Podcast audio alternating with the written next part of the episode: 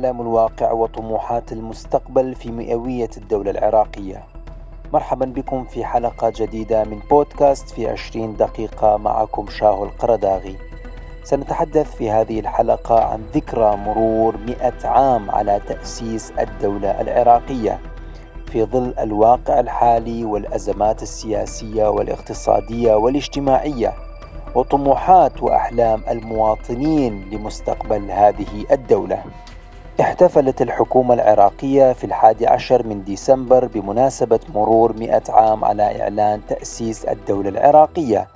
وكان واضحا أنه اقتصر مظاهر إحياء هذه الذكرى على المنطقة الخضراء المحصنة التي تتضمن مؤسسات الدولة العراقية بينما لم تشهد المناسبة مكانا لها لدى المواطنين العراقيين في الشارع العراقي.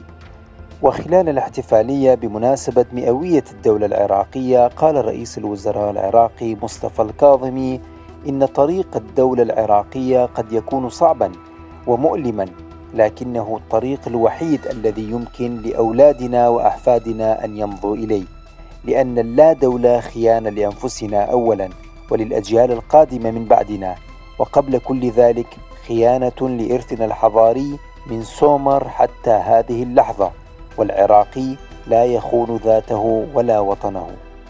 بينما دعا رئيس الجمهورية العراقي برهم صالح في هذه المناسبة إلى عقد سياسي واجتماعي جديد يشارك في صياغته الرأي العام العراقي الوطني بجميع فعالياته ويستند على مراجعة موضوعية لأخطاء وتجارب الماضي. وشدد الرئيس العراقي برهم صالح على أن أكبر الدروس المستقاة من مئوية الدولة العراقية هو الحاجة الملحة للحكم الرشيد فرغم الموارد البلد الطبيعية الغنية وطاقاته البشرية وموقعه الجغرافي في قلب المنطقة لم يجلب ذلك السلام الدائم والعيش الرغيد لمواطنيه ويتزامن دعوة الرئيس العراقي إلى عقد سياسي واجتماعي جديد مع الانسداد السياسي والمشاكل البنيوية التي يعاني منها منظومة الحكم في العراق. ويظهر اعترافا رسميا من إحدى السلطات الرئيسية في البلاد بضرورة المراجعة وإيجاد آليات فعالة للتغيير وإخراج البلاد من الأزمات المتكررة والمستمرة في ظل الطبقة السياسية الحالية. في ظل وجود شكوك حقيقية حول مدى استجابة القادة السياسيين لهذه الدعوة التي طرحها رئيس الجمهورية العراقي برهم صالح. وقد بدأت مسارات تأسيس الدولة العراقية بنظام ملكي عن طريق تنصيب الملك فيصل الأول ملكا للعراق مع تطورات لاكتمال مسارات الدولة الحديثة ثم مر البلاد بالكثير من التقلبات الكبيرة من الملكية إلى الجمهورية بعد الانقلابات العسكرية التي بدأت في الخمسينات القرن العشرين مرورا بحقبة التيارات القومية والشيوعية والبعثية. وقد بدأت الانقلابات العسكرية في العام 1958 والذي أطاح بالنظام الملكي. ثم وقع انقلاب آخر في عام 1963 وبعدها انقلاب ثاني في عام 1968 ومنذ تأسيسه شهد العراق ثلاث حروب عنيفة. الأولى كانت مع إيران والتي بدأت عام 1980 وانتهت عام 1988 ويعتبر من أطول حروب القرن العشرين. ثم قبل أن ينتهي من آثار هذا الحرب وقع العراق في حرب آخر مع الولايات المتحدة الأمريكية وحلفائها. نتيجة لغزو الكويت عام 1991 والتي أدت إلى إضعاف العراق وفرض العقوبات الدولية عليه. وآخرها كانت حرب عام 2003 والذي أدى إلى تغيير النظام السابق وجلب نظام جديد للعراق. وعلى الرغم من تغيير النظام العراقي السابق إلا أن الحقبة الجديدة التي بدأت في عام 2003 لم تكن مثالية بالنسبة للعراقيين. وفشل النظام السياسي الجديد في تحقيق طموحات وأحلام المواطنين أو تحقيق الحد الأدنى من الخدمات أو الوعود التي أطلقتها منذ عام 2003 وحتى الآن. حيث دخل العراق في حرب طائفية عنيفة أدى إلى مقتل العشرات واختفاء المئات ونزوح وهروب العشرات من العوائل من مناطقها وإفراغ العراق من الطاقات والكفاءات وتقسيم المجتمع وزرع الفتنة. ونتيجة للسياسات الخاطئة دخل الإرهاب إلى المدن العراقية ونجح تنظيم داعش الإرهابي في السيطرة على عدة محافظات عراقية وأدى ذلك إلى وقوع الكثير من الجرائم وعمليات الإبادة بحق الكثير من المواطنين. ولم يتعافى العراق بعد من آثار هذه الحوادث التي تراكمت منذ بناء العراق الجديد وأصبحت تشكل صفحة سوداء في ذاكرة الكثير من العراقيين. وللتطرق والحديث أكثر حول مئوية تأسيس الدولة العراقية والآمال والطموحات للمستقبل نتحدث مع الكاتب والصحفي العراقي سامان نوح ونسأله بداية عن رؤيته لواقع العراق الحالي في ذكرى المئوية لتأسيس الدولة العراقية. الواقع العراقي واقع سيء كيفما نظرت إليه. ترى أزمات ومحن اجتماعية وأمنية وسياسية. هو عموما واقع متردي سياسيا متخلف علميا وثقافيا يعاني من أزمات عديدة اجتماعيا وهو إداريا وخدميا متأخر جدا ويواجه تحديات وفساد هائل. آه، لذلك آه، لا يمكن وصف الواقع العراقي واقع الدولة إلا آه، بكونه سيئا جدا.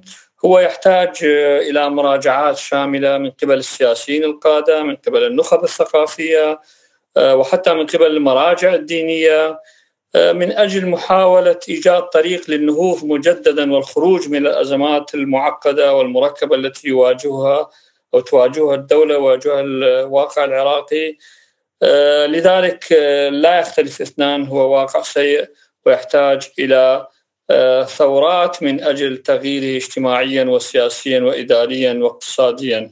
وانطلاقا من هذه الرؤية وبحكم دراساتك عن الموضوع هل يمكن للعراق أن يقدم نموذجا ناجحا للتعايش بين المكونات في المنطقة وخاصة أن هناك الكثير من المكونات والطوائف والقوميات في العراق وهناك فسيفساء نادرة في هذه المنطقة.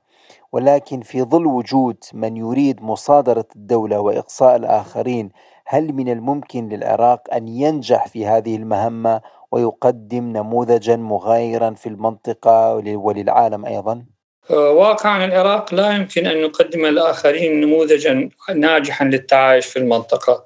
التعايش بين مكوناته وطوائفه. يعني هناك أزمات كبيرة في الدولة العراقية، تجربة العراق آه، العراق الحديث أو الديمقراطية في العراق تجربة حديثة جدا وإعادة بناء الدولة وفق أسس جديده وفق أسس جديدة لم يمضي عليها سوى 18 عام فقط.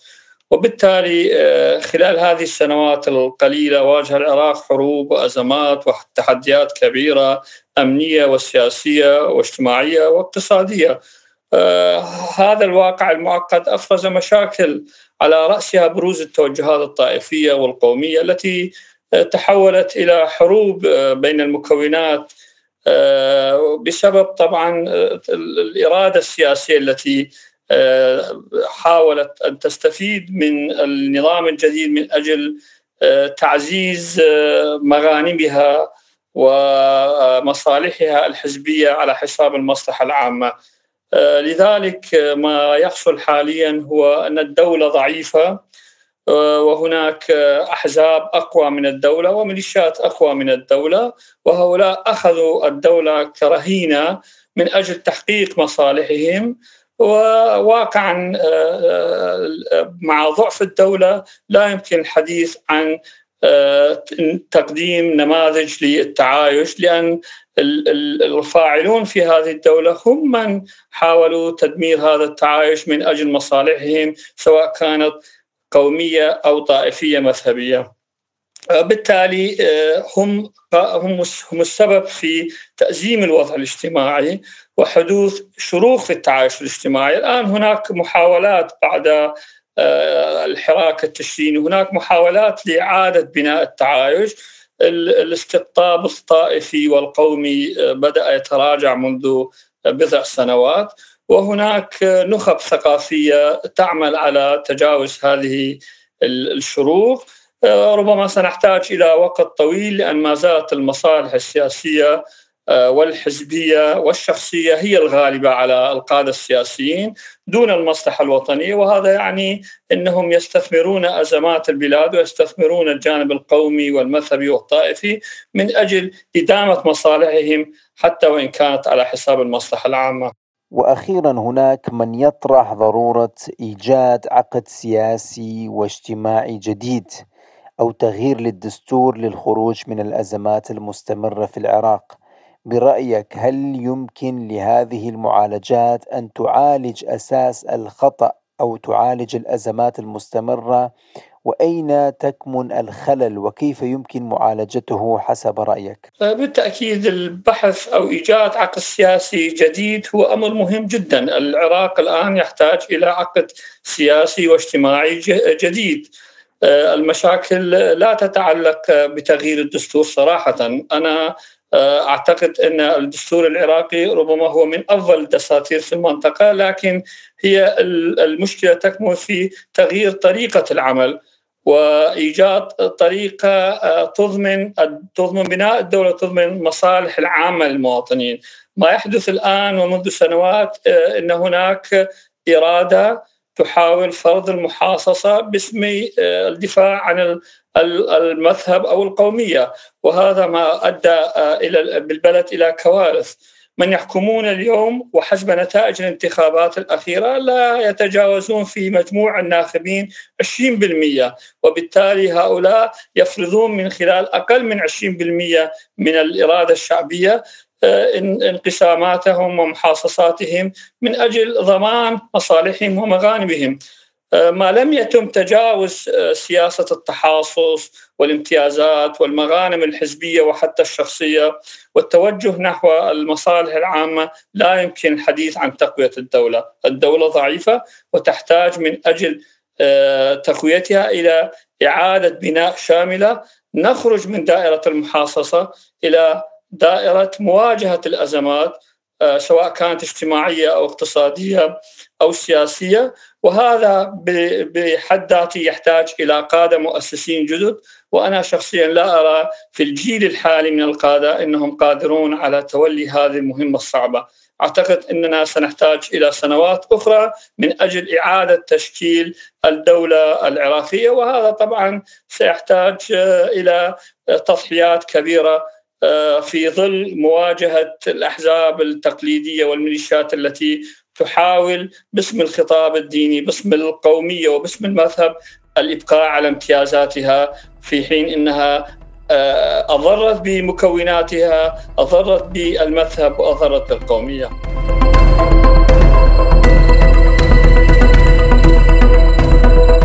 ولم يفشل السياسيون في العراق في بناء دولة طبيعية فقط بل ساهموا في تفكيك أغلب مؤسسات الدولة العراقية التي كانت موجودة سابقا إضافة إلى زرع بذور التفرقة والكراهية بين مكونات الشعب العراقي لإضعاف المجتمع وإدارته طائفيا وقوميا ومذهبيا.